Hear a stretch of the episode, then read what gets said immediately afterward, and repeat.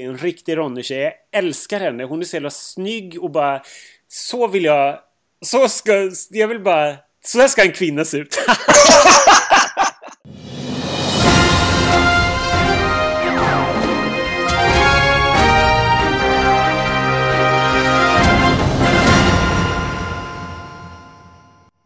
och välkomna till Schlagerprofilernas podcast.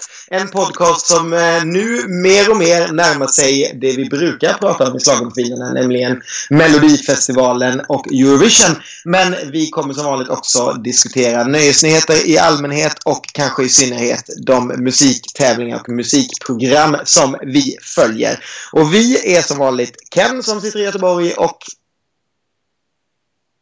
Ronny Larsson. Underbart att du inte Den övergången var skitsnygg, men du bet inte riktigt på den. Hur är det? Har du fått fram, har du fått fram staken än? Det Staken, staken och kulorna är framme. Men när du börjar prata om Melodifestivalen så känner jag bara Nej, ska den där skiten börja igen? Vi har ju faktiskt peppat lite idag du och jag, för vi har bokat våra resor. Precis. Eller vi har. Jag har bokat. Du har, du har, du har nickat instämmande när jag skickat dig tider. Men det, det känns bra. Jag, det har hängt över mig som ett litet moln det här med att boka, boka resor. Jag drar mig ogärna för det för att jag tycker att det är bökigt och knöligt och så dras jag alltid emellan med ska det få kosta, ska det inte få kosta och så, vi, och så har vi en tight budget att hålla. Så att det, är- ja, det, men det kändes Mm. bra. Det var inte så dyrt som jag trodde med resorna, vilket var jätteskönt i och med att jag har väntat så länge till, så här, sen vi fick, vi fick reda på vilka städer det är. Det, det är ju avgörande också för alla er som lyssnar som brukar titta på oss hur bra humör vi är på. Ett, ett knökat tåg en söndag kan vara en stor skillnad mot ett, ett första klass med, med en gratis kaffe. Kan, bli, kan ha stor inverkan på hur bloggen på, påverkas veckan efter. Plus att jag måste tänka lite grann på att jag är mer så här, jag vill komma typ 10 i 6 till den här uppspelningen. Medan Ken är så här, jag vill komma 10 i 4 eller 10 i 3 gärna på eftermiddagen. För man vet aldrig vad som kan hända. Jag vill gärna liksom checka in, packa upp min väska, hinna ta en kaffe, gå till hotellet i god tid, hinna kramas med Tobbe och Hanna och sen gå in i rummet och sådär. Och du, du, du brukar komma verkligen rusande tio liksom, Med andan i halsen. med änden i halsen. Ja, för ska, vi, ska vi fortsätta prata med Melodifestivalen? Ska vi inte börja med det? Det är Jo, men liksom då, Melodifestivalen låt oss fortsätta. Nu börjar ju verkligen dra ihop sig. När vi, nu när vi pratar om det här så är det ju bara två dagar kvar till vi får reda på allt verkligen. Jag vet, det här är verkligen sista gången på ett år som vi sitter och inte vet vilka som kommer att tävla i 2017 års Melodifestival. Det är ju helt sjukt egentligen. Ja, men vet du vad jag hoppas också på? Att jag hoppas på att få gå på den där presskonferensen och bli överraskad på några namn. För hittills har det ju inte varit så många namn ändå ute och eh, enligt vad jag har förstått så, har, så stämmer heller inte alla namn som Tobbe har som han har skrivit liksom klara för Melodifestivalen 2017. Eh, så att det blir det ska bli lite intressant. Det vore jättekul att bara Åh, åh, är den här med? Helt plötsligt. Nej, men det tycker jag också. Det, det, det är ju på ett sätt... Det är ju synd om stackars Tobbe som var som jag och försöka dammsuga upp alla de här 28, men det är ju jätteroligt för oss. Att det är väl, om jag har räknat rätt så är det just nu 18 personer på hans lista och då är det alltså 10, jag vill säga, då är det alltså två dagar kvar. Det måste ju vara någon sorts rekord. Och antingen är det för att SVT har blivit jävligt hemliga eller också har de bestämt sig för att bestämma sig verkligen i sista sekund den här gången. Eh, det kommer lite nya namn i veckan tror jag som vi inte har pratat om. Alltså, i alla fall, alltså nu, jag har ju varit bortrest. Jag kanske ska nämna det. Så jag, jag, det kommer märkas snart att jag inte liksom har sett och hört så mycket som jag brukar göra under den här veckan. Jag har varit i London, London och eh, shoppat sönder mig. Eh, shoppat min outfits till alla, allas eh, framtida schlagerstudios. Jag Eh, bävar men jag har i för alla mönstrade list- kavajer och allt som möjligt som du ska komma dragandes med. Ja, men alltså någon måste ju utmana Pekka Heino för att kämpa. Jag börjar komma i den åldern nu. Eller jag, jag, jag kommer aldrig upp i Champions-ålder, för han är väl yngre än mig. Så att, okej, skitsamma. Um, nej, men de, sista namnen som inte jag hade sett innan var Nano Omar, Etsia, Anton Hagman och Charlotte Perrelli. Och där kan man ju säga att det var kanske, om det där hade varit en sån här um, eh, vad heter den, Lattjo lådan så vet jag exakt vilket namn som skulle bort. För Charlotte är typ den enda jag har hört talas om innan. Ja men verkligen. Alltså, de andra hade jag, har jag verkligen noll koll på. Men, men jag blev också lite så glad ändå att... Nu låter jag jättelarvigt optimistisk men jag är ändå så glad med tanke på de namnen vi har hört hittills så har det bara varit bekanta namn från för, förra året till för, förra året. Så det var ju kul med lite, lite nytt i alla fall. Så det gör mig lite nyfiken att de kan göra jättebra låtar. Liksom. Så var det ju Victoria förra året. De, de, de åren tidigare som jag har suttit i juryn när man har vetat liksom så här att ja men ni kan ju skratta åt Alice Wilder men jag vet att det ligger liksom en bra låt där och skvalpar i bakgrunden och det är ju sånt man hoppas. Det är det som egentligen gör det lite tråkigt när det bara blir de här kända namnen. Jag, varken du eller jag har ju någonting emot så här, att det är så här Victoria och Mariette och sådär. Liksom, som så många andra som gnäller. Ah, samma namn. Det är skitsamma. Det är bara det att när det blir för många sådana så vet man ju ungefär vad man kan förvänta sig. Det roliga är ju verkligen de här namnen. Man vill ju ha en tio stycken man, man inte vet vilka de är. För då vet man ju att åtminstone kanske en tredjedel kan ju vara riktigt, riktigt bra. Sen är det klart att det alltid finns liksom någon webbjoker någonstans. Men ja, den har vi ju redan nu. den finns ju redan. Ja, men... Eller inte webbjoker, det heter ju folk... Vad heter det numera? Sen står väl nästa. nästa Les Gordon som är först på listan. Eh, men... Eh, Nej, men jag är jätte... Jag, jag lyssnade lite på både Nano Omar och Etsia och sådär. Det, jag tycker det verkar trevligt. Det kan nog, bli, kan nog bli bra. Och Charlotte är väl kul. Nu har jag ingen aning om såklart vad hon ska göra för någonting. Nej, men, men det, var, eh, det, det gör mig asnervös. Jag är bara så här... Jag vill ju att hon ska komma tillbaka och liksom göra en, eh, en Här står jag 2 liksom. En riktig så här brakpopslager. Som man, mm. som man förväntar sig. Och att hon bara Åh, jag fick mer smak för det här var härligt och bling-bling till nästa år. Men nu håller hon ju på liksom så här sitter och plinkar blinkar och skriver eget. Jag följer ju hennes blogg så jag har koll på vad hon håller på med. Och det är ju liksom så här finstämd svensk musik på svenska för att hon har typ så hittat en genre som hon bara åh, hon har tappat hoppet. Hon har tappat lusten till musiken och så börjar hon skriva själv och börjar spela, lära sig spela gitarr med sina långa röda naglar och sen så bara hittar hon den här genren och jag bara tycker det låter dötråkigt. Jag bävar för verkligen för att det är något så här skit tråkigt. För alla, alla gick ju igång i 180 på Facebook, alla så här som vi kompisar med och bara Åh Charlotte, hon kommer rädda slagen typ. Nej, det kommer hon verkligen inte göra. Är jag rädd för? Jag har ingen aning. Men jag Nej, men är, bävar verkligen för att det är verkligen Hej en sjätte plats i Skellefteå. Det låter väl otroligt roligt. För jag menar, alltså, det finns ju, vi vet ju hur det här funkar aldrig att efter ett år när slagen typ dödförklarats att Charlotte Perrelli kommer tillbaka med en slager. Fast det är typ helt rätt att hon skulle göra det, precis som du säger. Mm. Men sånt förstår ju aldrig folk som om det där. Utan nu tänker de att det är dött. Och så, om du då säger jag har ingen aning, jag läs, följer inte henne på någon blogg. Mm. Men om hon nu har hittat sig själv och skriver, då är det ju det är ju självklart att det är det där. Då är det ju nya Charlotte som ska presenteras i Sveriges största tv-program. Det kan du ge dig FAN på liksom. Det är ju det är klart att det är så. Så att nej, det blir nog tusen och en tråkig natt.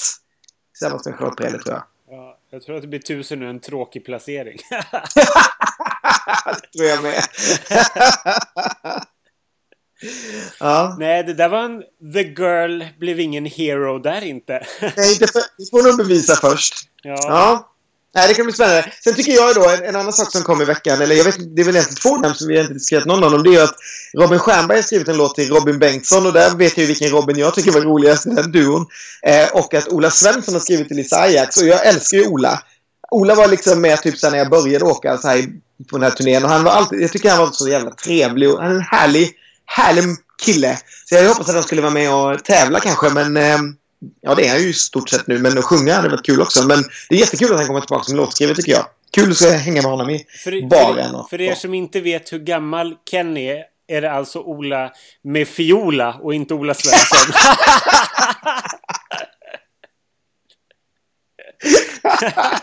inte ens Ola Salo. Ola Salo är lite... Ola med fiola, hur gammal är du liksom? Som ska komma på den här. Ja. Ja, men Ola, Ola, som förut bara var Ola med hela svenska folket, men som numera är Ola Svensson igen, men eller Idol-Ola. Men det var ju kul tycker jag. Jag tycker att det är roligt när det är så här artist, art, alltså artister eller kända namn som låtskrivare. Det är ju alltid härligt tycker vi. Det tycker jag också. Däremot så tycker jag att nu är det nästan dags för Robin Stjernberg att komma tillbaka. Visst, han vann, men nu, det är förlåtet. nu är det dags att tävla igen, Robin. Ja, men det, verkligen. Det jag, vi, behöver ingen, vi behöver ingen Bengtsson. Det finns bara en Robin i Melodifestivalen. Kom tillbaka. Men eh, jag, jag, tänkte faktiskt på det. Så är det, alltså de här vinnarna de senaste åren, de har ju varit väldigt fram... De, de, vi har ju haft väldigt bra vinnare liksom. Mm. Sen, efter Anna Bergendahl. Men, men de har ju inte gjort mycket väsen av sig liksom karriärmässigt egentligen. Förutom... Det är ju Måns och Sanna liksom. Mon och Sanna. Mon, Mon och Sanna. Och, eh, som för övrigt Måns vann ju, och Peter vann ju för övrigt ett utmärkelse idag när de eh, EBU hade röstat om vem som var den bästa programledarna för Eurovision. Ja, det är de kul. vann. De är, de är ju liksom inte bara årtiondets bästa, de är ju verkligen århundradets bästa skulle jag säga. Det finns ju ingen som mäter sig med dem. Nej, jag håller med. Men eh, det blir kul att få lite officiellt på papper också. Ja, det var årtiondet som valde där. Alltså, ska de slåss mot typ, vad hette hon? Eh, jag kommer bara ihåg hon norskan. nu kommer jag inte ens ihåg vad hon heter. Ja. Jag vill bara säga Wenche Myhre. Men det är ju inte det. Det är ju hon... Nej, Nej de slåss mot han Pilou som var din, din favorit, ja, den danska. Ja. Måns och Pilou, det är ju frågan om man får välja alltså. Det, jag är ledsen Måns. Jag kommer, inte på, jag kommer inte på så många egentligen. Jag kommer på liksom han som sjöng Running Scared och, och, och, och hans mamma. Just det, jag är bara cool. var det inte någon, var det inte, vad heter han, um, uh, pojkbands, nej men gud, kan du få vara tyst bara? Ronan Keating. Nej, det var, Ronan Keating var ju på typ 90-talet väl? Ja, ja. Men jag tänkte lite så totalt om man skulle slåss mot Ja, jag var mer inne på årt årtiondets bästa vad de slogs mot. Liksom. Ja, ja. Sen var det Stefan Raab i Tyskland bland annat. Ja. Sen var det alla de där tre. Det är inte liksom jättejobbiga människor de slagit ut nu när du tar upp dem. De där tre människorna i Wien tillsammans med Conchita. Humle, Dumle och Mumle liksom. Humle, Dumle och Mumle. Det är jättekul. Ja, nej men vi, vi, vill, vi vill pepp så här långt. Och det, som sagt, det ska bli jättekul. Vi kommer ju babbla på som 17. Vi måste ju bara köra en specialare efter liksom... Efter, Absolut. efter, efter Absolut. presskonferensen. Jag tänker att vi kanske kör en, en specialare direkt på onsdag som vi sen lägger in i nästa veckas program kanske. Så vi får prata direkt eh, eh, om, om Mello. Men vi kanske ska lämna Mello där. Det är spännande. Men från och med nästa vecka så kommer vi nog försöka gräva i det här så mycket som möjligt och se vad vi kan få fram och diskutera låt för låt och sådär. Mm. Eller ja det, ja, det kanske blir ett helt program bara om det där. Det vet vi inte. Men någonting, någonting med mycket Mello kommer det snart i den här podden i alla fall. Men låt oss gå vidare till någonting som inte är så mycket Mello. Ska vi, ska vi beta av våra, våra stadiga punkter? Stegar!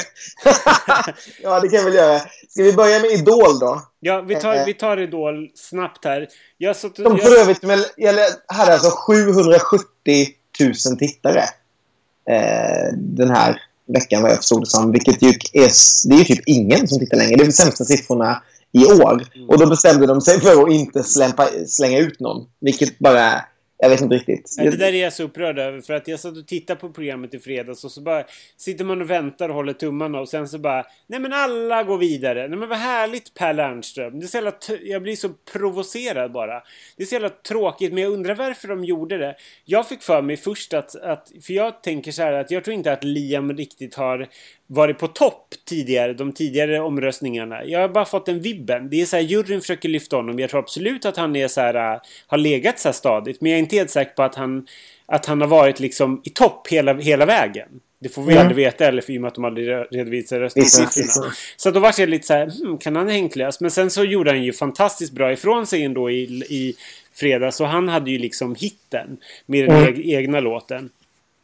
Men så jag fattar liksom inte vad, vad det kan ha berott på. Om det liksom så här hängde... Var det inte Rebecka som hängde löst? Hängde, hängde Rebecka löst och riskerade att åka ut och så ville de liksom ha kvar... De ville inte att ens enda tjejen skulle åka ut. Så att Precis, det var, det var exakt det jag tänkte. De ville inte att enda tjejen skulle åka ut. Hon hade, alltså, det, för mig var det så konstigt. Jag, jag, jag tittar ju på det också. Jag tycker att... Jag gillar Liam, det är mest för att han är söt.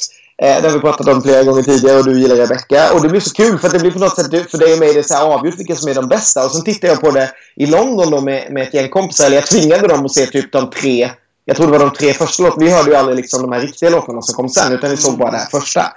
Och de, de dömde ju typ ut allt. De, de tyckte liksom att, ja de sa då att Liam tyckte de hade lite så här stjärn... Att han kan nog bli något liksom. Men Rebecca förstod de inte överhuvudtaget. De, och de här människorna är inte så slaganknutna då. Men jag, jag misstänker att de kanske inte heller är den typen av publik som röstar i Idol. Så jag vet inte vad det betyder. Men det var väldigt intressant att se det med dem. För de liksom förstod inte henne överhuvudtaget. Och jag är liksom så van vid att prata bara med dig. Jag förstår inte dina liksom, kompisar. Dina kompisar kan dra åt helvete. Nej, men jag, ja, men jag vet inte vad det beror på liksom. Jag tyckte inte hon var, jag ska säga, jag ska ärligt säga att jag tyckte inte att hon var på topp. Jag tyckte att hon var bra. Jag tyckte att Liam var skitbra i sin egna låt. Jag tyckte inte att han var något märkvärdig i liksom den där Måns-tolkningen. Och sen så tycker jag att Charlie var fortsatt totalt ointressant. Och, och Oscar såg tydligen folk någonting i som jag inte såg. För jag tyckte bara, jaha, okej, okay, det var precis som vanligt. Han är duktig, men det är ingenting speciellt liksom. Nej. Nej, jag tycker... Kan vi också diskutera Måns-temat? att de var tvungna att zooma in Måns hela tiden. Det var ju lite jobbigt tycker jag. Men jag, jag, jag, jag måste säga att jag tycker att det var ett kul grepp. För att och visa att det liksom finns artister som har en karriär som har kommit från Idol. Ja. Liksom. Jag tycker att det är så här, Kan man få se liksom Agnes-tema nästa år och... Så. Det, är, så det är inte så många mer än Måns som skulle klara av det då. Och vi kommer ju snart att komma in på det när vi ska diskutera nästa tv-program. Men, men, eh, ja, men jag gillar det också. Just, jag, jag, tycker ju så jävla mycket om Måns. Liksom. Men just det där att de skulle liksom zooma in honom hela tiden blev ju bara så här, men, men hallå liksom. Ja. Mm. Um, och varför gjorde ingen Karamia? Nej, det var, det var den största skammen. Och varför gör man en långsam version av Hope and Glory? Jag vill ju se så här slager realness från Rebecca när hon bara skulle dansa loss i Hope and Glory. Men det, fick man, det blev man ju snuvad på. Det blev man snuvad på, ja. ja nej, men jag, jag håller med. Först, alltså, jag, jag förstår verkligen inte det här programmet i år. Jag vi, vi var ju så positiva från början, men nu är det man sörja tycker jag. Och speciellt när man inte slänger ut någon. Nu blir det samma sak på fredag. Eller ska de slänga ut två då? Eller jag förstod inte Nej, riktigt. Det blir, eller? En, för näst, nu på fredag så åker, försvinner en och sen är de tre i finalen. Men, det är ju samma sak som förra året då alltså? Ja, precis. Ja.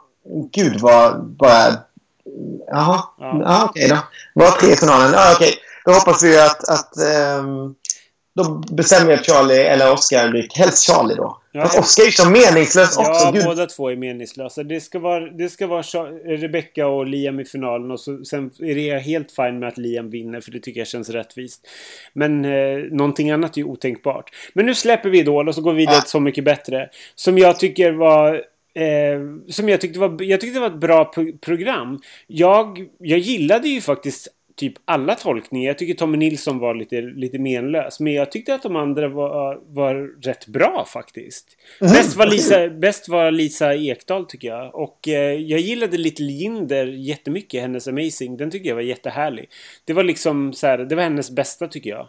Jag tycker också att det var lite hennes absolut bästa hittills i programmet. Mm. Jag tyckte den blev jättebra. Det var nog absolut min eh, favorit i programmet. Sen, sen, var, sen var jag lite svag också för Magnus Carlsson som jag absolut inte har gillat innan. Bara för att jag gillar när man lägger in handklapp. Jag är så, liksom, handklapp på barnkör. Sånt funkar alltid på mig. Om man lägger in liksom. Så jag, jag tyckte att han var hyfsad också. Eh, så de två tyckte jag nog var mina bästa. Eller Tommy Nilsson-grejen, varför han skulle sjunga i den där jäkla mobilen, det fattade jag inte överhuvudtaget. Nej, det var lävigt. Vad det för grej? Men däremot så tycker jag också att det var... Eh, vi som är så intresserade av Mello var det, tycker jag det var skitintressant hela den där grejen med med Danny och hur han mådde efteråt. Och, liksom, mm. och sådär. Och också hela den här aspekten med Little Jinder när hon liksom tog upp alltså den där alltså vinkeln från det hållet som vi har så svårt att se vad, vad folk som håller på med musik där tycker om Idol och Mello och sådär. Det bara är ett sätt för folk att bli kända liksom och köra hela den där Idol, Mello, Let's Dance-grejen. Mm. Att det liksom är svårt att få respekt. Liksom, varför gjorde du det då när du liksom... Ja, men du vet, hela den grejen. Och jag tyckte ändå att han hade ganska vettiga svar på alltihopa och, och det här och att han sen... Ja, jag tyckte liksom ändå att Eh, det, det, för, för oss som är intresserade så var det ju absolut också ett av de bästa programmen just för att man har följt honom mm. och för att man eh, gillar genren och gillar hans låtar. Sen kan jag ju tycka att liksom man, någon kunde väl bjussat på In the Club också. Vi kunde väl tagit alla tre mellolåtarna, det var så jäkla svårt. Nej, men ehm. absolut. Det, men det håller jag helt med om. Däremot så tycker jag det var skönt att Jill satte ner foten och bara vad är det som är problemet egentligen? Varför ska man skilja på liksom så fint och fult och vad som är dåligt och, och bra liksom? Att, mm. att det... Hon var tvungen att försvara. Det satt ju, det satt ju ändå två stycken mellovinnare där och lyssnade på hela snacket också. så hon var väl tvungen att stå upp för fackföreningen, vi som faktiskt har vunnit. Nej, jag, jag blir lite så provocerad av det. Att det är liksom så att just att det ska ses som så jävla kackigt. Jag bara så här, jag fattar lite Linder. Men jag tycker att hon är liksom så här uh, provocerande också för att hon bara ska avfärda det liksom som bara Men det är mello, det är slager, du vet så här, men kom igen liksom. Din musik, det, det din musik skiljer sig inte så jävla mycket från sånt som var med förra året egentligen. Alltså det är inte så här, det är inte dag och natt liksom. Det är inte Kikki mot Kent liksom. Däremot, vilken av låtarna har gått bäst? Jag har inte haft så stor koll på listor sådär. Är det någon av dem som har blivit Den som har gått bäst är Lisa Ekdahl. Den låg, den låg bäst till när jag kollade senast. Vilket för övrigt, visst fanns den texten redan en gång? Visst, den finns ju med någon så här typ barngrupp som har ja, gjort det. Eh, det Popkids gjorde den Popkids, precis sätter den bara du. Den, den har jag minsann haft på någon spellista som Ronny Larsson har gjort till mig en gång tror jag. Ja, stämmer bra. Väldigt bra låt. Väldigt bra skiva överhuvudtaget. Ifall ni inte har kollat upp det. Hela Popkids-skivan. De, de gör My Number One på svenska och det var massor med andra härliga låtar. Jag tyckte att de tyckte den var jättebra. Jag tror att de gjorde någon där. De gjorde någon... Ja, skitsamma. Eh, bra. jag, förstår, jag förstår det här din inställning till Little Jinder. Den är tydlig just nu känner jag. Ja, nej, men jag tyckte att det var, det var rätt intressant just för att någon tog upp hela den här grejen med fint och fult. Och inte just, jag tycker inte det var så mycket fint och fult. Jag tycker bara att det var ganska tydligt så här människor som, som inte riktigt förstår det där att man bara vill bli känd utan som jobbar med musik på ett, på ett annat sätt och att man då inte har någon förståelse för det eller att det verkar så främmande för dem eh, det vi håller på med när vi liksom tycker att det är helt självklart att man kan tävla med musik och att man tycker det är roligt med listor och vad ligger där och hit och dit och att det är väl självklart att man blir lyckligare om man ligger högre upp på en lista eller att man vinner någonting. Liksom, än att man bara säljer till dem som lyssnar exakt på det man själv vill. Alltså det, det, det är väldigt intressant hela den här kontrasten tycker jag. Så det var väldigt roligt att de tog upp det. Så jag tyckte också att det var, det var ett ganska trevligt program. Men sen tyckte jag väl kanske... Eller jag vet inte. Det, det, ja, nej, det var väl helt okej. Jag tycker nog att Dannys... Det är nog för att jag gillar Dannys låtar i original. Det är så här partylåtar. Det är svårt tycker jag att vrida ut någonting Liksom, det är just det där du säger att allting, som du sa om Idol nyss, att man ska liksom dra ner tempot för att det ska bli liksom innerligt så fort man gör en cover. Och det, ja, det, det kanske hade varit roligare att bara gasa på det ibland också. Gör något party liksom. Det där är min värsta. Det därför har jag aldrig... Det jag förstår inte det. Så fort man ska göra om en låt så ska man alltid dra ner tempot. Jag blir vansinnig. Mm. Jag hatar den där låten Dancing on my own som bara är så här jättesuccé. Oh, Dancing on my own är ju bra som den är. Varför tycker folk att det är så här åh, finstämt med gitarr? Någon jävla tönt som sitter och ylar. Jag blir så jävla provocerad intresserad av det där. Varför kan man inte göra liksom en upptempolåt för? Den är alltså en större hit än Robins originalversion i England. Till ja, exempel. det bara stör ihjäl mig liksom. Ja, den stör ihjäl mig något otroligt också. Men, nej, men jag håller med dig. Det, det är så här, och det kan jag tycka är lite synd. Och det kanske inte riktigt håller hela vägen om inte texterna håller hela vägen. Men det blir så liksom. ointressant. Det är som så här Mello-grejen också. Att du, så här, alla som är med i Mello, de ska liksom, när de ska ut på typ så här, turné eller någonting, då bara, då ska de skala av det och så ska de så här, sitta med, med två så här, gitarrspelare och klinka och sjunga liksom en, så här, en fin vers version av liksom Constellation Prize eller You eller what the fuck liksom. Jag blir så här, jag vill inte höra det. Det spelar ingen roll. Vi vet att ni kan sjunga. Gör låten original. Punkt. Ja, men undrar hur många liksom, akustiska karameller man har klinkat sig igenom bara för att man inte har vågat göra den. säger jag bara. Usch vad tråkigt. Eh, jag håller med dig helt. Så att jag, jag, jag tyckte det var ett helt okej program men jag tror inte att jag kommer att plocka in en enda av låtarna på någon lista alltså jag, som jag lyssnar på. Och jag har för övrigt inte en enda så mycket bättre låt på någon av mina listor som jag lyssnar mycket på på Spotify. Och det är ganska ovanligt för jag brukar alltid vara någon som faller med. Jag tror jag hade Dannys den här... Um, eh, Varning på stan, eller hette den inte? Ja, Snacket på stan. Snacket på stan. Det är nog den som har kommit, kommit längst i Ken-världen. Jag har Gills ja. första låt. Den tycker jag fortfarande. Open Your Heart tycker jag fortfarande är fantastisk. Och sen har jag Snacket på stan och sen så... Eh, allting är från första programmet jag kom på. Amelia har jag från, med Lisa Ekdahl. Den tycker jag var härlig. Och jag plockar nog in Lisa Ekdahl den här veckan också och Little Jinder tror jag. Mm. Det blir nog så här, ja men alltså, jag håller, håller fanan högt här för Så mycket bättre. Mm. Ja. Annars räcker det gill. Uh, så då, det blir spännande. Ska, ska Crazy in Love hamna i knät på Fredde Wadling? Fredde Wadling fick ju för, för övrigt Baby Goodbye och det var väl kanske den absolut sämsta tolkningen alla kategorier under hela året. När han bara, när han på så halvkackig engelska sjunger Baby Goodbye Baby Farewell Usch! Säger jag bara. Jag är Jag inget stort Jag fan tyckte av nog det. det var en av hans bättre. Nej usch! Men jag, jag har inte lyssnat så mycket på det han har gjort innan här kan jag säga. Nej. Jag vet inte varför jag kände igen den här låten. Nej, Det jag, jag, jag, jag hoppas verkligen att han får någon sån här anonym countrysång eh, från, från någon gillskiva. jag tror att det finns det är någonting med Baby Goodbye som gör att jag, kom, jag glömmer alltid bort den. Den finns liksom inte. Den, den, den har liksom inte existerat. Och så varje gång jag hör den så bara, men den här är ju rätt härlig. Ja. Varenda gång. Jag glömmer bort den hela tiden. Jättekul. Mm. Nej men, ska vi lämna det till handlingen också kanske? Ja. Så mycket bättre. Ja, ja. Ja, låt oss gå vidare till... Låt oss beta av eh, X-Factor då. Nu är Jag kan beta av X-Factor som jag var på plats. Nu såg inte jag det direkt, vilket är lite ironiskt eftersom den här gången jag verkligen är i London och vi bodde i en fantastisk lägenhet som hade typ en TV i varje rum. Eh, så var vi inte hemma just när X-Factor var, men jag har kollat i, kollade på det i efterhand sen. Jag köpte en lite glass och kröp ner i sängen och eh, tittade på detta avsnitt mitt i natten.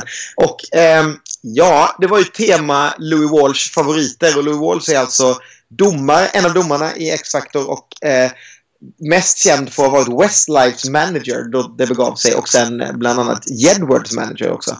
Ehm, och då har man drivit med det här temat hela tiden för de har ju som sagt, det finns en stor snurra där man väljer vilka teman det ska bli. Och det har hela tiden varit så här, ah, det ska vara liksom, han har så dålig musiksmak, det har liksom varit lite grejen när det skulle bli en så här kitschvecka, liksom en irländsk kitschvecka. Och de har, de har spelat de här ehm, eh, Bewitched och du vet så här liksom innan. Men sen när väl temat kom, då visade det sig att ja, men då var det liksom någon som gjorde en, en eh, Little Mix-låt och någon gjorde ABBA och någon gjorde Britney. Så jag menar, Britneys Toxic, det är, ja, det är inte direkt liksom, det är inte kitsch galore om man säger så.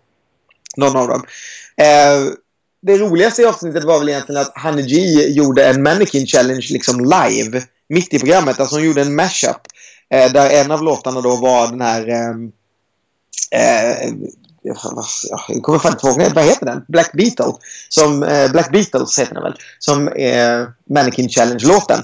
Och då bara frös hela studion. Och det där är ju en, det är liksom en arena full med folk. Eller i alla fall en studio, typ Idol-studio. Och alla frös. Det var otroligt häftigt gjort liksom. Hon gick bara, fortsatte bara att gå runt och sjunga. Och, liksom. och sen släppte hon på det igen. Så det klippet ska ni kolla upp om ni ser något. Nu hjälpte inte det så mycket för hon åkte ut igår. Så nu är de bara fyra stycken kvar och Hanne G är borta. Och eh, alla som eh, gillar programmet drog en lättnadens suck. Eller inte alla som gillar programmet men alla som fortfarande tror att det handlar om att kunna sjunga och inte bara att ha X-Factor.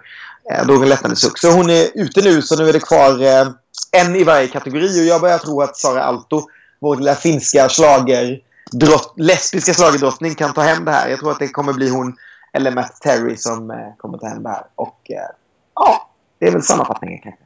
Har du något att tillägga? Eller hur har du inte sett det? Jo, jag har sett det. Jag tyckte att... Jag tycker att det är...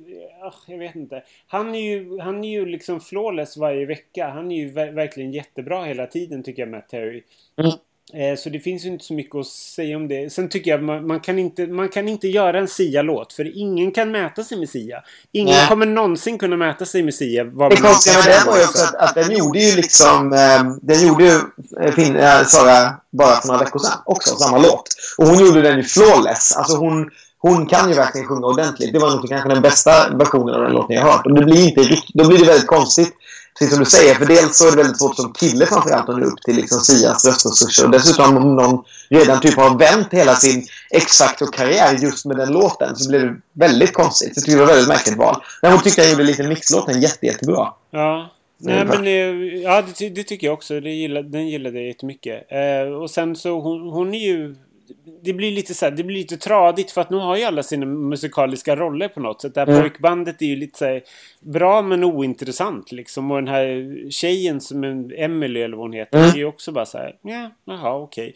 Så det är ju liksom så här, hans, han är ju stjärnan liksom. Och sen Ja, han är absolut stjärnan. Sara är ju sån här som vinner, kan vinna såna här talangtävlingar men som inte kommer någonstans. Sån som vi hatar i Idol. Precis. Alltså den, den typen av artist som sjunger duktigt men som inte känns som att hon kommer komma någonstans sen. Hon är det är Martin faktiskt- Almgren. Ja, precis. Ja. Så ehm, ja, men jag hoppas också fortfarande på att Matt vinner. Sen, sen precis som du säger, pojkbandet har ju en grym potential men de är inte... De är ju... eh, De är lite ointressanta men det är, vi, vi, är ju verkligen inte målgruppen där. Kan Nej. man säga. Nej. Nej, Nej! nej, Ha. nog med det. Har vi betat igenom TV-skörden nu? Det Nästa, var... vecka, nästa vecka börjar På spåret.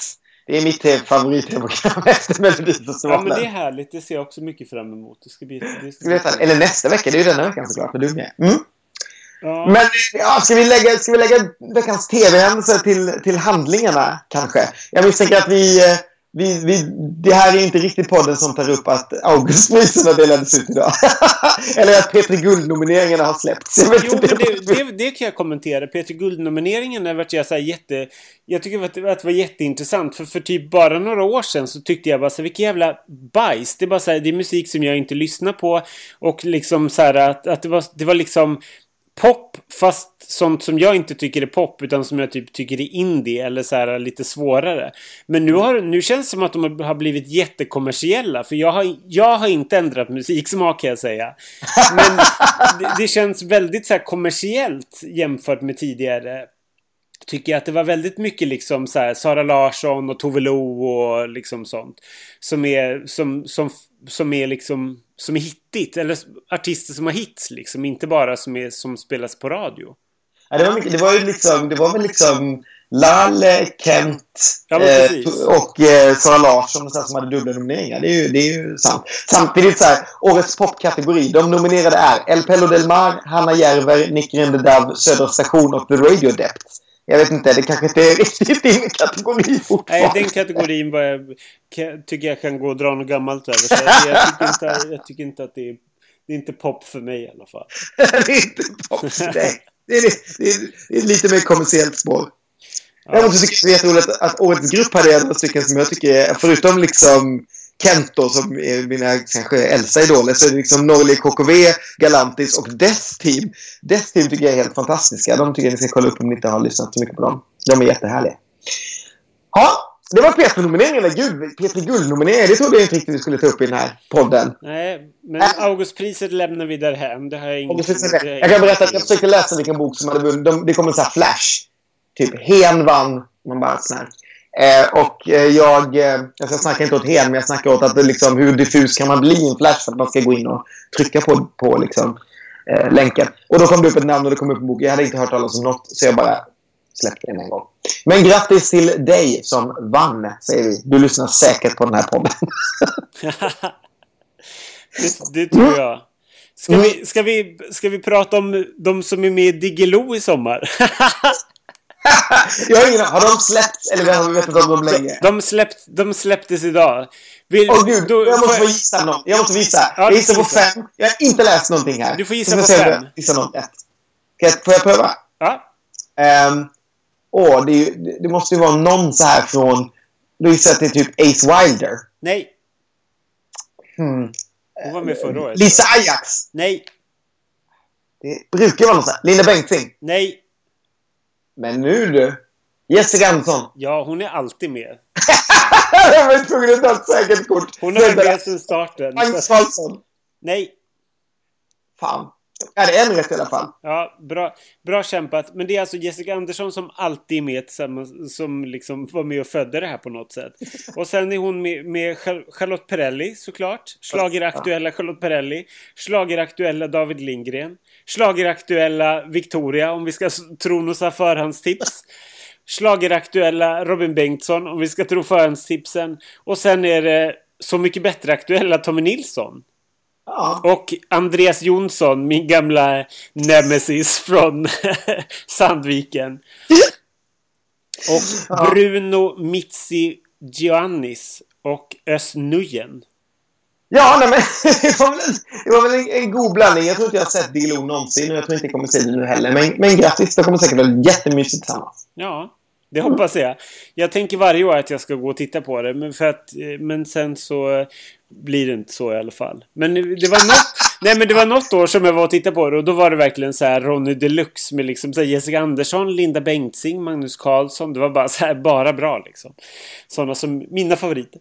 Min musik, det som jag kallar pop. Som du kallar pop. Det är jätteroligt. Ronny Guld. Ronny Guldgalan. Nomineringarna, nom, när släpps de nomineringarna? De, jo, de släpps snart. Det här får in mig på en annan punkt som jag Ja. tänkte vi skulle ta upp varje, varje vecka här i podden. Jag tänkte att vi skulle få dra varsin topp 5-lista du och jag som är olika och sen kan vi diskutera dem. Men för att göra den lite liksom knöligare eller så lite roligare så tänker jag att jag ger dig någonting du ska lista i nästa program, dina topp fem av. Och så säger du någonting till mig som jag ska lista topp fem av. Är du med? Mm. Mm. Bara för att du sa det nu så tänkte jag att jag ska jag spinna lite på det som du precis sa. För att jag tycker det är så roligt med din musik. Med, du brukar alltid använda liksom ord, ordet här Ronny-artister. Mm. Ganska ofta. Så du tänkte jag att du skulle få lista dina topp fem Ronny-artister. Alltså, den ja, eh, fem till ett vill jag höra nästa vecka, vilket som är liksom så mycket Ronny det kan bli och som motiverar lite varför just det är dem. Liksom. Jag vet att det finns en jävla massa, men jag vill liksom ha de ultimata här. Som är liksom pang. Mm. Är du med? Jag är med. Mm. Jag är med, absolut. Ja, men det blir nästa vecka. Då får du försöka ge mig en, en utmaning också. Ja, men min, min utmaning till dig den, den rör TV. Mm. Eh, jag skulle vilja veta vilka dina absoluta fem favoritkaraktärer eh, karaktärer i TV är. Ah, vad kul. Just nu eller genom tiderna? Genom tiderna. Oh. Huh. Ja, Ja, det är tufft. Det blir tufft. Det är mycket kill your darlings där. Men, Ja, det, det blir det liksom. Men ja, och gud vilken rolig. Mm. Mm. Ja, men då... Eh, ja, spännande. Ja. Då kör vi det. Sen, sen har vi faktiskt förberett lite. Det är lite som ett matlagningsprogram för att vi ska ha en lista att prata om. Den här veckan så tänkte jag att vi ska dra igång en annan grej också. Eh, och det är att vi ska snacka om årets bästa. För nu går vi in i december. Och det är ju sånt som du älskar. Listor på vad som är årets bästa av olika saker. Och eh, musik och tv och mellolåtar och allt möjligt. Men jag tänkte vi skulle börja, eller vi tänkte vi skulle börja med film, eller hur? mm. Eh, du kan, börja du med din och så kan du driva om från alla fem eller från botten och så kan vi prata lite runt om där.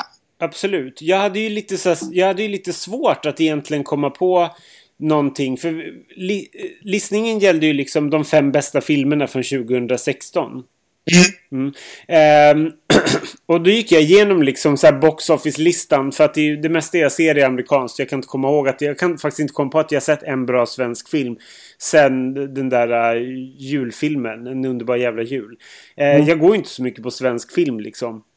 Jag får chansen att gå jättemycket genom jobbet. För det är mycket så här pressvisningar och sånt. Men så tänker jag bara, nej, då försvinner så här två, tre timmar bara för att jag ska gå och se en film liksom. Och så kanske jag inte behöver skriva om den egentligen. för vi har filmrecensenter. Så att då slutar det ändå med att jag hoppar över de här pressvisningarna. Vilket är lite dumt. För jag tycker det är så skönt att sitta i en typ halvtom salong och bara titta på film. Mm. Men eh, jag har ändå hunnit med, hunnit med att se en hel del filmer. Så då tänkte jag beta av mina så här topp fem. Och den skil, det skiljer sig nog ganska mycket från övriga så här, best of-listor från 2016. Det är väl kan härligt. jag säga. Ja, på femte plats så, så har jag Tarzan. Jag tyckte, jag tyckte Tarzan med Alexander Skarsgård var precis vad jag hoppades att det skulle vara. Det var liksom ett så här härligt matinéäventyr med en halvnaken Alexander Skarsgård och en så här härlig, stark kvinnlig hjältinna och massor med djur som sprang och härjade i djungeln liksom. Jag hade inte en tråkig sekund. Jag tyckte att det var jag tyckte att det var en, det var liksom en fyra för mig. Ehm, jag, tyckte att, ja, men det, jag tyckte det var en riktigt bra sommarpopcornfilm. Så det, det blir min femte plats. Jag, måste, säga, jag får flika in lite på varje. Ja. Jag, jag har inte sett den. Men däremot så var det här en god vän som hade sett den och han sa att det här är den sämsta filmen jag har sett i år. Så jag har inte gått och sett den därför. Men nu blir jag lite sugen så jag får försöka, försöka beställa den på eh, någon play-tjänst snart. Mm. Ja, nej, jag tyckte, inte, jag tyckte att det var, det var härligt. Eh, sen på, på fjärde plats så sätter jag filmen The Shallows. Som, och vi pratade om så här Ron-artister. Så kan, så kan man också prata om Ronny-tjejer. Och Blake Lively är en riktig Ronny-tjej. Jag älskar henne. Hon är så jävla snygg och bara... Så vill jag... Så ska... Jag vill bara... Så här ska en kvinna se ut. Och jag, bara, och jag tycker att hon är så här, hon, hon har någonting annat. Jag tycker hon är så här cool och bara lite så här bra. Jag älskar henne som en gossip girl. Och så älskar jag just det här när man, när man tar en sån här tv-stjärna och, och att de blir så här filmstjärnor. Um, och det här var liksom dessutom en så här riktig Ronny-film för att det är så här en ensam tjej som blir fast ute på en liksom så här, en klippa ute i vattnet och ser en så här ondsint haj som försöker, försöker äta upp henne. Det var också en så här bra film. Jag hade, så här, jag hade inte en tråkig sekund. Jag kan förstå att folk tycker att det är så här små eh, kackigt. Men den här, den här fick faktiskt ganska bra kritik ändå. Den fick så här bra betyg eh, både i USA och i Sverige, vilket var lite kul. Eh, och det var en riktigt kul sommarfilm det med som kom då i september. Men jag tyckte att den var bra. Så den sätter jag på plats fyra. På plats tre så sätter jag Deadpool. Som jag, jag är så dötrött på, på liksom så här serietidningsaction och actionhjältar. Men den här filmen hade jag läst, hade den, fått, den hade fått så här bra betyg. Och den gick ju jättebra i USA också, vilket egentligen inte säger någonting. Men den gick verkligen jättebra. Och den var överraskande bra tycker jag. Jag tycker den var jättekul. För det var så här en actionhjälte som som är en hjälte men som ändå är liksom en så här, någon slags antihjälte och beter sig väldigt annorlunda och pratar väldigt fult och så liksom. Den tycker jag var jättehärlig. Har du sett den? Jag sett den. Jag tycker också den var jätte, jättehärlig. Jag håller med dig på alla punkter där kan jag säga. Och jag är ändå en ganska stor älskare av de här Marvel-filmerna. Det är liksom min typ av så här, bara gå in på en bio och käka popcorn och stänga av hjärnan. Men inte ens jag har gått och sett Doctor Strange än och det beror bara på att jag bara är liksom så här mätt på det. Eh, så att, så att, men jag tyckte också att Deadpool var, var jättekul faktiskt. Den var snygg och så här roliga liksom. Alltså filmmässigt också, inte de mest liksom gjutna liksom, bilderna hela tiden utan så här snyggt med så här slow motion tricks och grejer och använder liksom berättarknep som inte alls dyker upp i de där andra filmerna. Så jag håller med dig. Mm. Jättebra. Och sen eh, på andra plats, och det här är kanske väldigt så oväntat, men det är en skräckfilm från i, som kom i somras som heter Don't Breathe. Eh, mm. Som handlar om tre ungdomar som bryter sig in hos en blind man. Eh, och ska ta pengar som de tror att han har hemma. Det låter ju så småkackigt. Men, eh, men, och hela filmen går ut på att liksom ungdomarna är kvar i det här huset. För att han visar sig vara betydligt mer liksom svårt motstånd än vad de tror när de kommer in. Och så håller han dem fast på olika sätt och sånt där. Och den, eh, den fick också oväntat bra eh, oväntat bra betyg i USA och gick väldigt bra där. Eh, och jag tycker att det är precis så som jag vill att en skräckfilm ska vara. Mm. Och nu tänk... Nu den är inte sett heller, men den, den är jag också jättespänd på. Men man räknar med att snart kommer det väl en uppföljare till med åtta ungdomar som går in i gubbens hus liksom. Och så är han där igen. Ja. Ja, men precis. Eh, och grejen är så här att... Ja, jag vet inte riktigt hur jag ska göra nu. Eh. det var en plats kvar där. Ja, men, men jag måste bara fråga dig innan vi går vidare till, de, till den. Har du, har du sett någon riktigt liksom, så här, bra skräckfilm som du tycker så här, som du har jo. gått igång på? Ja, men överhuvudtaget liksom.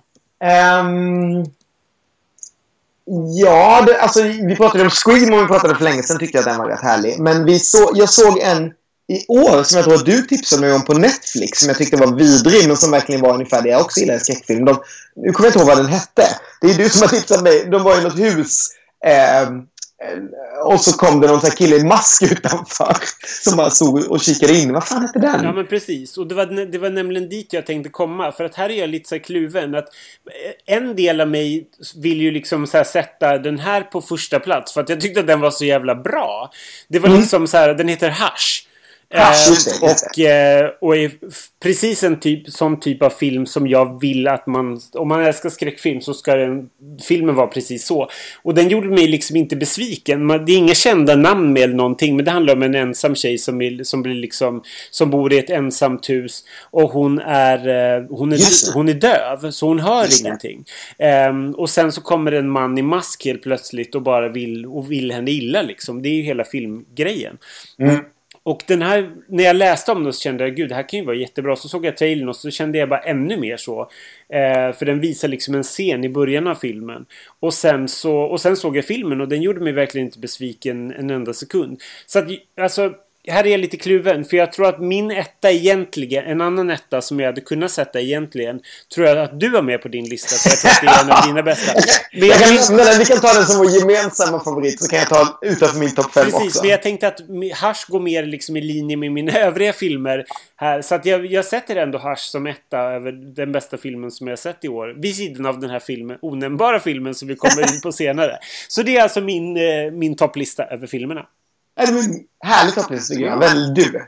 Ja, eh, och, och, jag, jag hade faktiskt lite, jag hade lite samma problem. Mitt problem när jag började titta var att, att eh, alla de här popcornfilmerna som har kommit i år har liksom inte varit... Jag har inte funnit så mycket som jag har gillat. Jag har ändå gått en hel del på bio, men jag tyckte kanske så här att Djungelboken var kul. Jag såg den här eh, Beasts eh, and Where to Find Them för ett tag sedan och den var väl okej, okay, men jag var nästan besviken och så vidare. Så jag tänkte jag skulle sätta ihop en topp 5 egentligen med kanske filmer som de som lyssnar på det här inte har sett och som du kanske inte har sett heller. Men då vill jag ändå lägga liksom en, en speciell guldstjärna till kanske den bästa filmen jag sett i år. Och jag antar att den är pratad om som heter Room. Ja, precis. Eh, som vann en Oscar för bästa kvinnliga huvudrollsinnehavare eh, med Brie Larson. Och som har en helt fantastisk eh, kill, liten kille också i huvudrollen. Som ja, alltså handlar om en, en kvinna som har varit kidnappad i eh, x antal år, kanske tio, jag vet inte riktigt. Och blivit våldtagen av den här mannen som har kidnappat henne flera gånger. Instängd i ett litet, litet rum där hon också har fött ett barn som aldrig har kommit ut ur rummet utan som lever sitt liv i det här rummet. Eh, och, alltså det där, jag var så tagen av den här filmen. Den var, och det är jag fortfarande, tror jag. Den, det är utan tvekan den bästa film jag sett i år. Så att den, den borde ligga etta på vilken lista som helst. Och jag skulle också vilja lägga till en film som heter Brooklyn. Jag vet inte om du har sett den. Som också var med i Oscarsracet förra året. Som var nästan på samma nivå fast som var en romantisk komedi. Och som hade liksom allting jag liksom... Eller inte komedi menar jag inte, utan en romantisk drama. Eh, och som var liksom så här härlig. Liksom kanske lite förutsägbar men ändå du vet det var tårar och kär. Alltså den var verkligen sådär Åh, ska ni se liksom en film med någon dejt någon gång så bara kolla upp om den finns på Apple TV och så hyr Brooklyn. För den är bara så varm och fin och härlig liksom. Eh, men sen känns det lite fel att ta upp dem för de var ju Oscarsnominerade förra året på något sätt som 2015-filmer. Det blir så konstigt. Och de filmerna som jag förmodligen kommer älska mest från 2016, de har inte haft premiären. För de kommer ju i det här Oscars-racet som är i Sverige då hamnar i december, januari, februari. Eh, mm. Så att, ja. Så att därför tänkte jag att jag skulle göra en, en, film på de här fem. Då. Och då börjar jag med en film längst ner som är dansk och som heter Kriget. Eller eh, A War kallas det på engelska. Med eh, min eh, favorit som du nämnde innan, nämligen... Men gud, du tappade namnet. Eh. Pilot, tack. Alltså jag har namn. Med Pilot i huvudrollen och eh, Tuva Novotny som spelar hans fru. Och som handlar om en dansk soldat som åker iväg och eh, är befäl i ett annat land, jag tror det är Afghanistan, och råkar ta ett väldigt ödesdigert beslut och sen hur det drabbar liksom honom när han kommer hem igen till sin familj och deras sätt att se på honom, vad han har gjort och så vidare.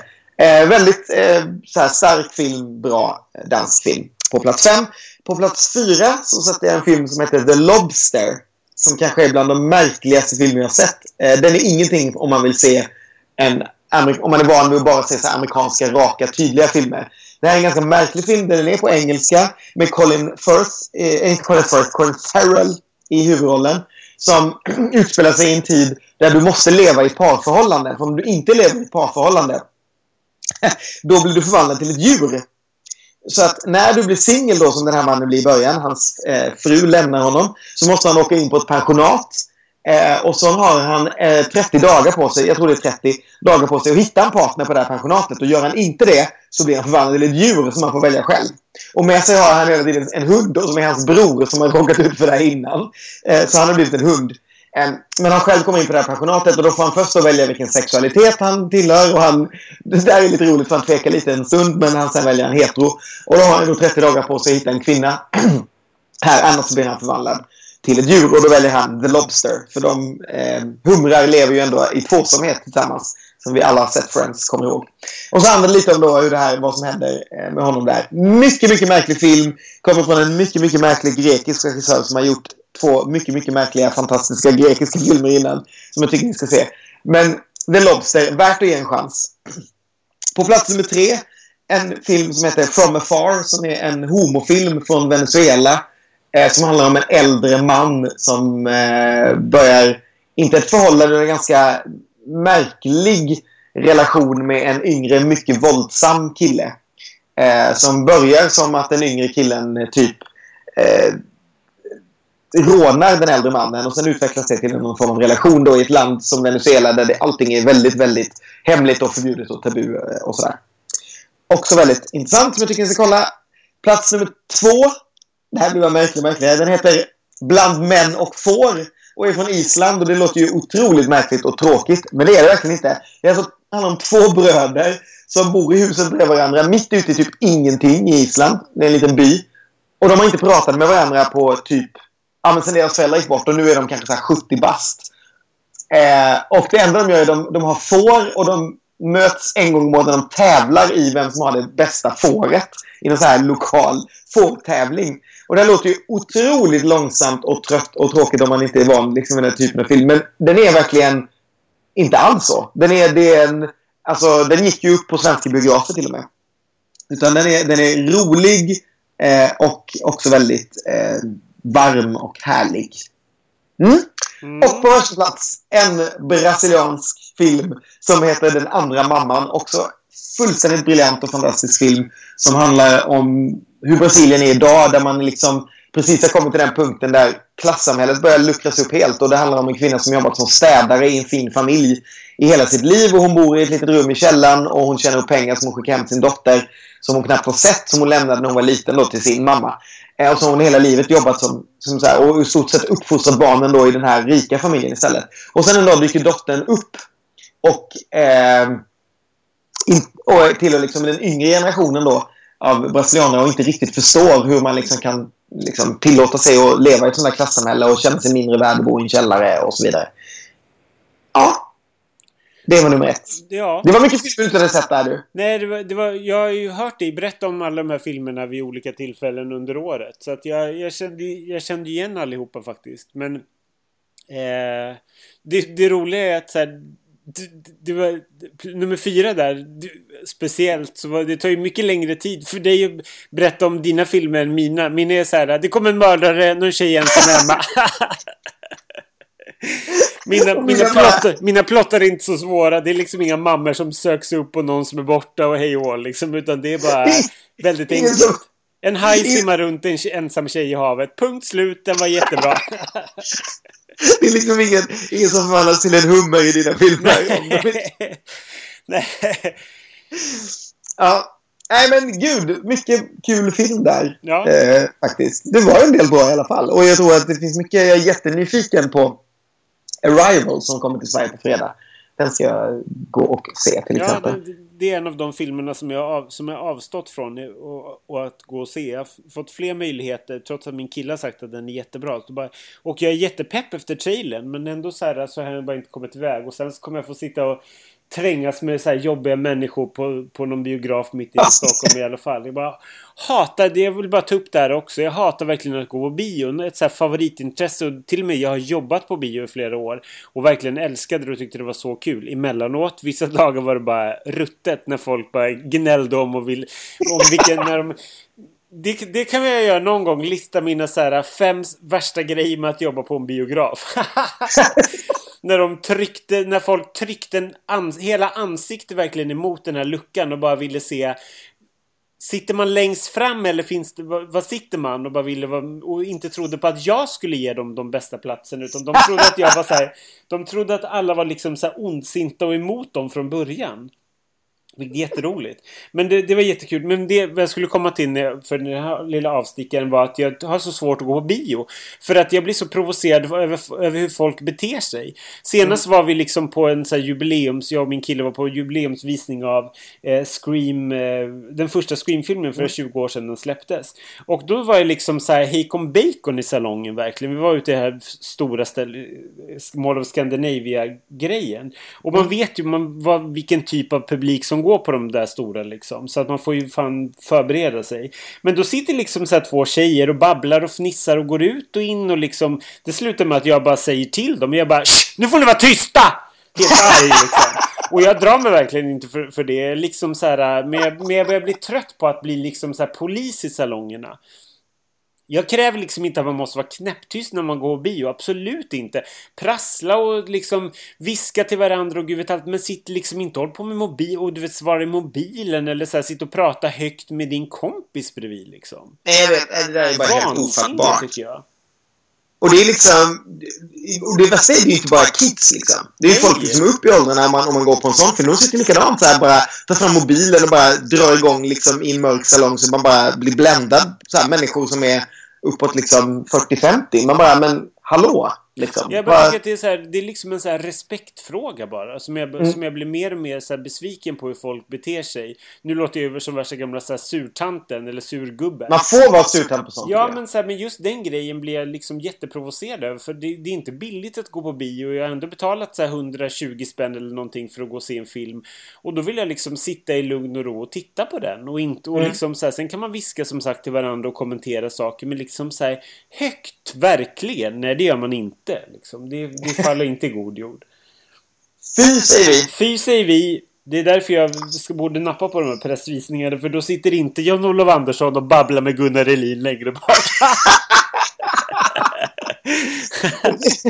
Nästa, nästa, jag tycker det borde vara pressvisningar i Göteborg. Jag har sprungit direkt. Ja men verkligen, då hade jag kunnat skicka dig på lite också. Det är, det är fyrans Cissi Renström Surna som sitter och prasslar högt med en påse vingummi. Så, jag, så Ronny Svensson och Ronny Larsson bildar team och gör ett stort Men mycket film idag. Vi försöker hitta ett bra namn på den här podden som handlar om film, tycker jag. Sången och spelarna filmen är slut. Så. Ja, men Nej, är men det det är ju Peter Lemark. Ja. När, film, när, när filmen tar slut heter det väl? Eller När filmen tar slut. Ja, men den där Ja, med, med- med, med, Henke Wittström. Det? Ja, när filmen tar slut eller när filmen är slut. När, film, när filmen tar slut, tror jag. Det är Eller- bästa. eller det är eller så enda filmslaget som har gjorts. Ja, ja, eller Movie Gone.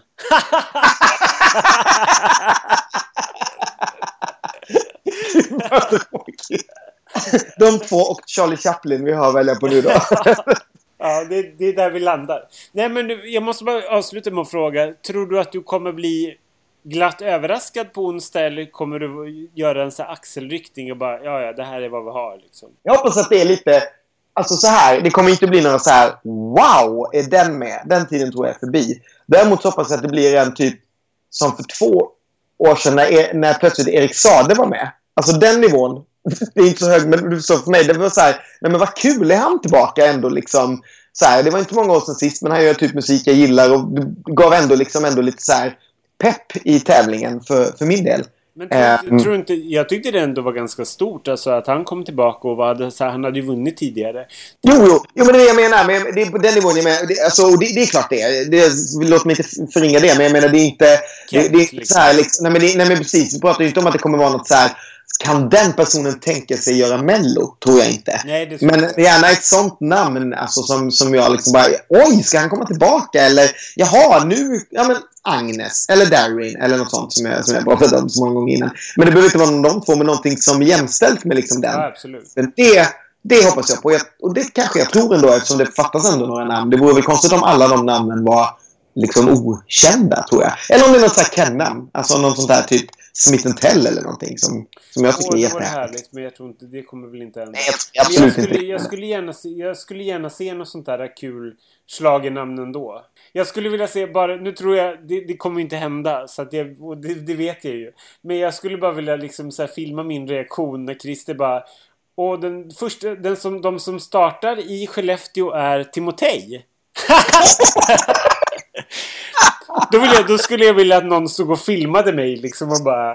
Ja, jag vet inte. Eller en duett mellan Magnus och Jessica. Ja men precis. Det är, liksom, här, det är min våta dröm just nu tror jag. Det, det skulle kunna så här, rädda slaggrejen om inte i år så nästa år. Det tror jag så här, Båda ser så här smashing ut tycker jag. Liksom, så här, härliga 40-åringar som, som, vi, som vi också är liksom. Som vi också, det menar jag. Du tänker på oss nu.